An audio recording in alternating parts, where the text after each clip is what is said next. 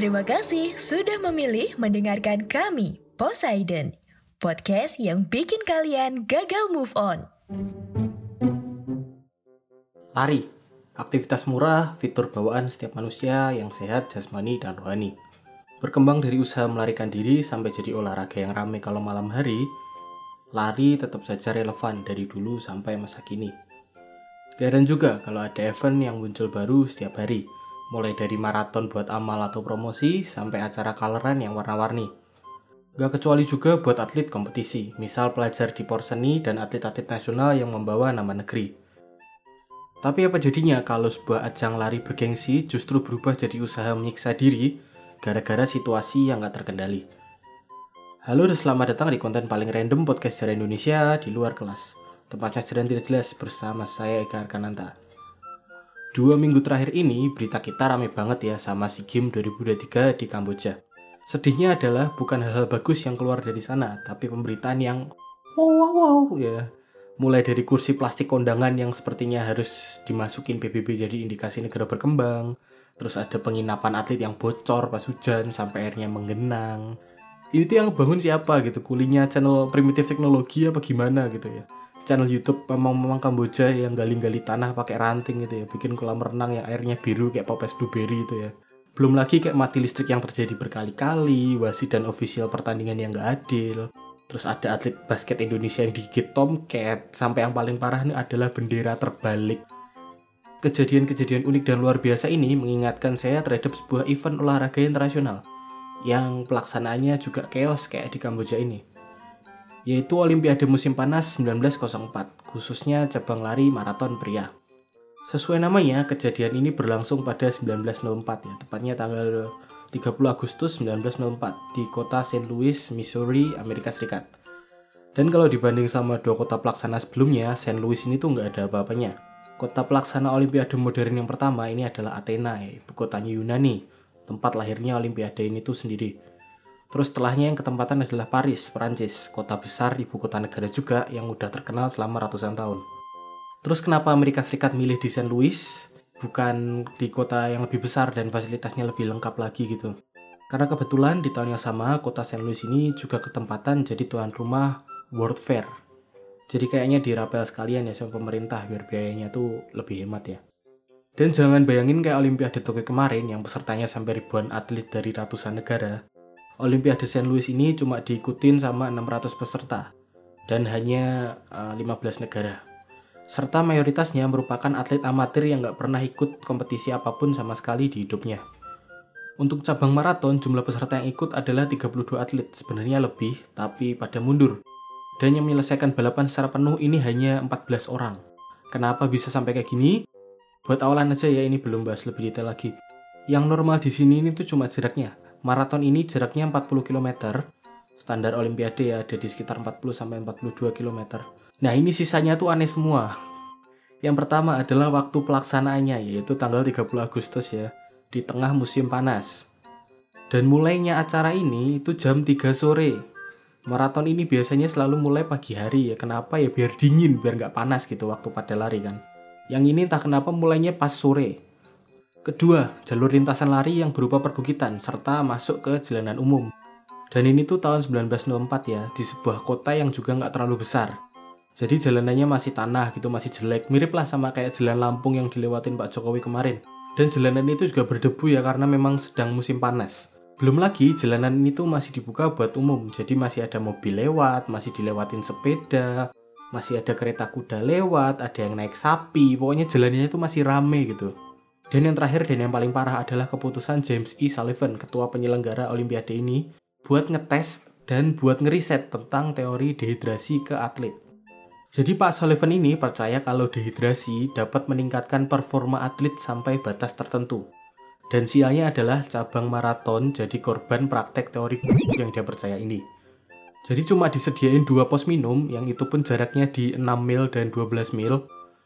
Yang jarak 12 mil ini tuh berupa sumur lagi, cuma sumur gitu. Sumur yang ternyata airnya tuh juga masih kotor. Faktor-faktor inilah yang bikin peserta yang sampai garis finish ini tuh bahkan nggak sampai setengah dari peserta yang awal di start. Ngomong-ngomong peserta, mari kita bahas beberapa atlet yang ikut lomba menyiksa diri ini. Olimpiade St. Louis 1904 ini jadi olimpiade pertama yang melibatkan atlet kulit hitam, yaitu ada Len Tauniani dan Jan Masiani dari Afrika Selatan. Keduanya sebenarnya nggak datang ke St. Louis buat jadi peserta maraton olimpiade, tapi jadi bagian dari bootnya Afrika Selatan di World Fair. Keduanya berpartisipasi uh, sambil bertelanjang kaki ya, alias sambil nyeker. Dan keduanya finish di peringkat 9 dan 12 masing-masing. Lentaunya nih harusnya bisa finish lebih cepat dari peringkat 9 kalau dia tuh nggak dikejar anjing ya. Sampai keluar lintasan lebih dari 1,5 km.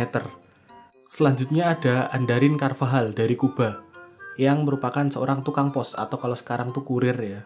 Dan berlomba pakai kemeja panjang dan celana panjang yang dipotong pendek terus pakai baret. Kenapa? Karena begitu sampai di Amerika, dia ini tuh kalah judi dan gak punya apa-apa lagi gitu, uangnya habis.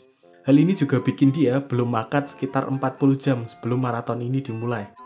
Yang bikin kemudian dia tuh uh, waktu lari tuh sempat berhenti buat makan apel di pinggir jalan yang ternyata uh, buahnya busuk dan bikin dia sakit perut. Dia bahkan sempat tidur siang gitu. Karena sakit perutnya dia sempat tiduran di pinggir jalan gitu dan masih finish di peringkat keempat.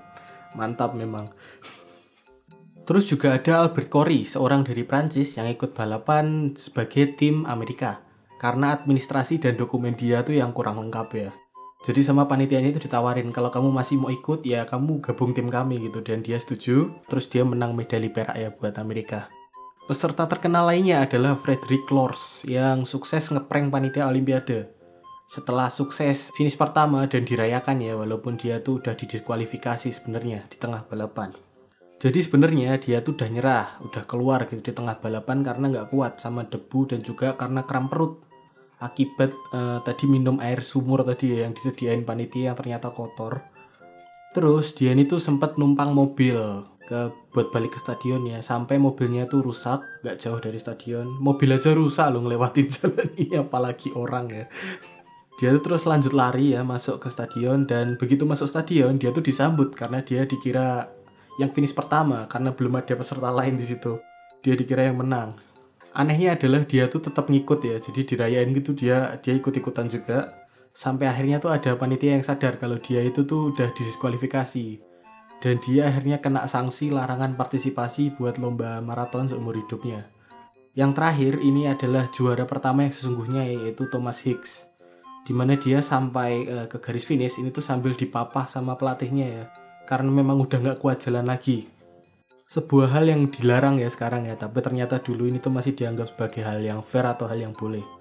Kenapa dia sampai lemes gitu sampai nggak bisa jalan? Jawabannya adalah karena pelatihnya ini tuh juga ternyata pelatihnya Thomas Hicks ini tuh sama kayak Bapak Sullivan tadi, ketua panitianya Olimpiade. Jadi mereka tuh percaya kalau dehidrasi ini tuh penting buat performa atlet. Jadi selama lomba bukannya dikasih air, Thomas Hicks ini tuh malah diseka pakai air panas gitu kalau dia tuh kehausan. Jadi udah panas malah ditambah lagi suhu tubuhnya pakai air panas. Belum lagi dia ini tuh juga ngasih Thomas Hicks ini tuh telur mentah, terus brandy, brandy miras ya dan juga dosis kecil strychnine atau yang biasa kita kenal dengan nama kerennya yaitu racun tikus. Jadi literally Mas Thomas Hicks ini tuh diracunin dan dipaksa buat lari sama pelatihnya. Kalau nggak segera ditanganin sama beberapa dokter begitu dia sampai di stadion, Thomas Hicks ini tuh kemungkinan besar udah meninggal ya. Dalam jarak maraton 40 km ini, berat badan dia tuh turun 3-4 kilo. Terus dia tuh masuk finish dalam kondisi udah dehidrasi berat dan halusinasi Parahnya lagi, korban maraton ini tuh nggak cuma dia ya, karena kita tahu sendiri ya yang finish tuh cuma 14 orang. Sisanya tuh udah pada nyerah di jalan karena nggak kuat sama tadi dehidrasi. Terus juga trek larinya yang berbukit-bukit kayak settingnya Ninja Hattori. Terus panasnya tuh yang menyengat karena ini di tengah di tengah-tengah musim panas gitu. Dan yang paling parah adalah karena debu yang mengganggu pernafasan. Saking parahnya masalah debu ini, salah satu peserta namanya William Garcia ini tuh sampai hampir meninggal ya setelah ditemukan pingsan dan muntah darah di pinggir jalan.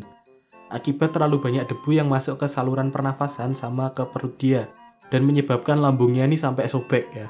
Maraton Olimpiade 1904 akhirnya dikenang sebagai salah satu pelaksanaan event olahraga paling buruk dalam sejarah. Akibat rasio peserta finish yang sangat rendah, terus rekor juara pertama yang paling lambat, dan juga keputusan panitia yang ternyata tuh membahayakan nyawa atletnya Hal ini juga membuktikan kalau manusia ini memang tempatnya salah ya, karena nyatanya setelah 100 tahun lebih, ternyata masih nggak becus juga ya kalau urusan tentang event olahraga. Pesan yang bisa kita ambil adalah uh, manusia selalu butuh air ya, dan racun tikus itu bahaya. Dan yang paling penting adalah saya ingin mengucapkan terima kasih dan selamat atas kerja keras dan pencapaian atlet-atlet Indonesia di SEA Games 2023 ini ya. Uh, semoga usaha keras dan jeripayah kalian ini juga dihargain sama pemerintah uh, sehingga kalian nggak perlu um, becak ya di hari tua nanti. Terima kasih yang sudah mendengarkan kritik dan saran atau ide bahasan bisa dikirim ke Instagram at podcast underscore sejarah Indonesia atau ke Instagram pribadi saya di @rotikecat. Jika ada kesalahan, saya mohon maaf sebesar-besarnya. Saya Eka Arkananta pamit. Sampai bertemu di konten Poseidon lainnya. Bye-bye.